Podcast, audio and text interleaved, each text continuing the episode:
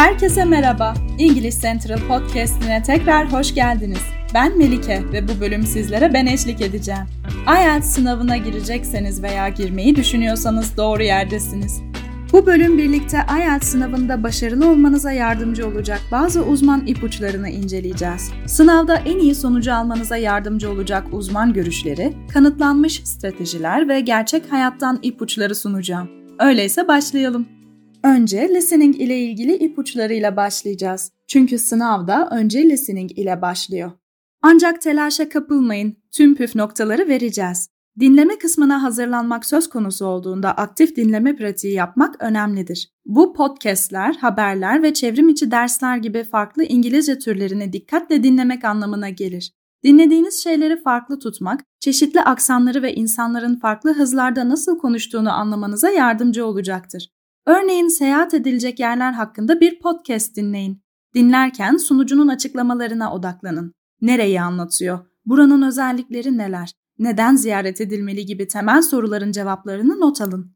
Anahtar kelimeleri not aldığınızda dinlediğiniz şeye dair detayları kaçırmamış olacaksınız. Ayrıca pratik yaparken gerçek sınavdaki gibi her şeyi yalnızca bir kez dinlemeye çalışın. Sınavda ise dinleyeceğiniz ses başlamadan önce onunla ilgili soruları hızlıca okuyun. Bu size neyi dinlemeniz gerektiği konusunda bir fikir verecek ve cevapları bulmanızı kolaylaştıracaktır.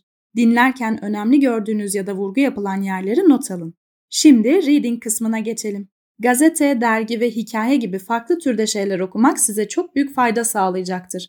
Bu şekilde farklı yazı tarzlarına alışacaksınız. Ana fikri anlamak için hızlıca okumak anlamına gelen tarama alıştırmaları yapın. Bu beceri test sırasında cevapları daha kolay bulmanıza yardımcı olacaktır.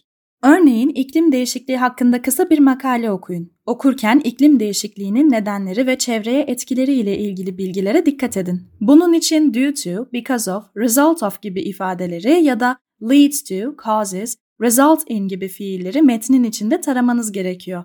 Metinde neden sonuç ilişkisinin verildiği kısımların altını çizin. Sebepler ve etkilerle ilgili soruları yanıtlarken doğru ve spesifik bilgiler sağlamak için bu vurgulanan bölümlere tekrar bakın. Çoktan seçmeli veya eşleşen başlıklar gibi farklı soru türlerini bilmek de önemlidir. Her soru türünün farklı bir yaklaşıma ihtiyacı vardır. Bu nedenle farklı türde sorularla pratik yapın. Alıştırma yaparken zamanlamaya alışmak için verilen süre içinde bitirmeye çalışın. Ayrıca soruları dikkatli okuduğunuzdan emin olun.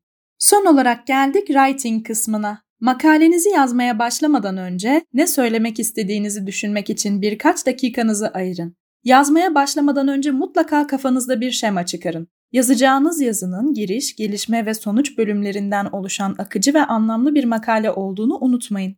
Makalenizin akışını daha iyi hale getirmek için first, next ve finally gibi kelimeler kullanın. Ayrıca yazınızın ilgi çekici olması için farklı kelimeler kullanmaya çalışın. Örneğin very beautiful demek yerine gorgeous diyebilirsiniz. Kelimeleri tekrarlamamak için eş anlamlı kelimeleri kullanmaya özen gösterin. Cümlelerinizin açık ve anlamlı olduğundan emin olun. Makalenizi yazdıktan sonra herhangi bir hata olup olmadığını kontrol etmek için biraz zaman ayırın. Örneğin en sevdiğiniz hobiniz hakkında kısa bir makale yazıyorsunuz. En sevdiğim hobilerimden biri resim yapmaktır. Yani one of my favorite hobbies is painting gibi bir şey söyleyerek başlayabilirsiniz.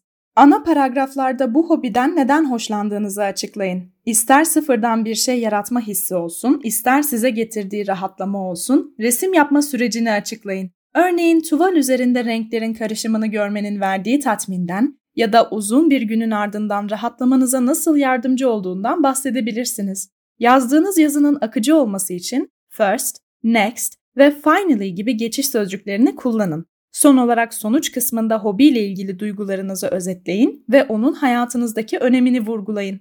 Bu yapı düşüncelerinizi açık ve mantıklı bir şekilde sunmanıza yardımcı olacaktır.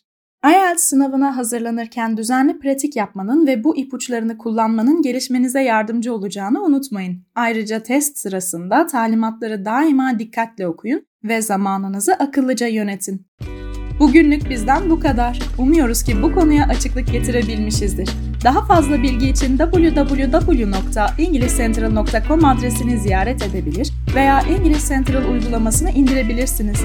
Bu bölümü beğendiyseniz bizi oynatma listenize eklemeyi ve bölümlerinize kaydetmeyi unutmayın. Dinlediğiniz için teşekkür ederiz. Tekrar konuşmak üzere.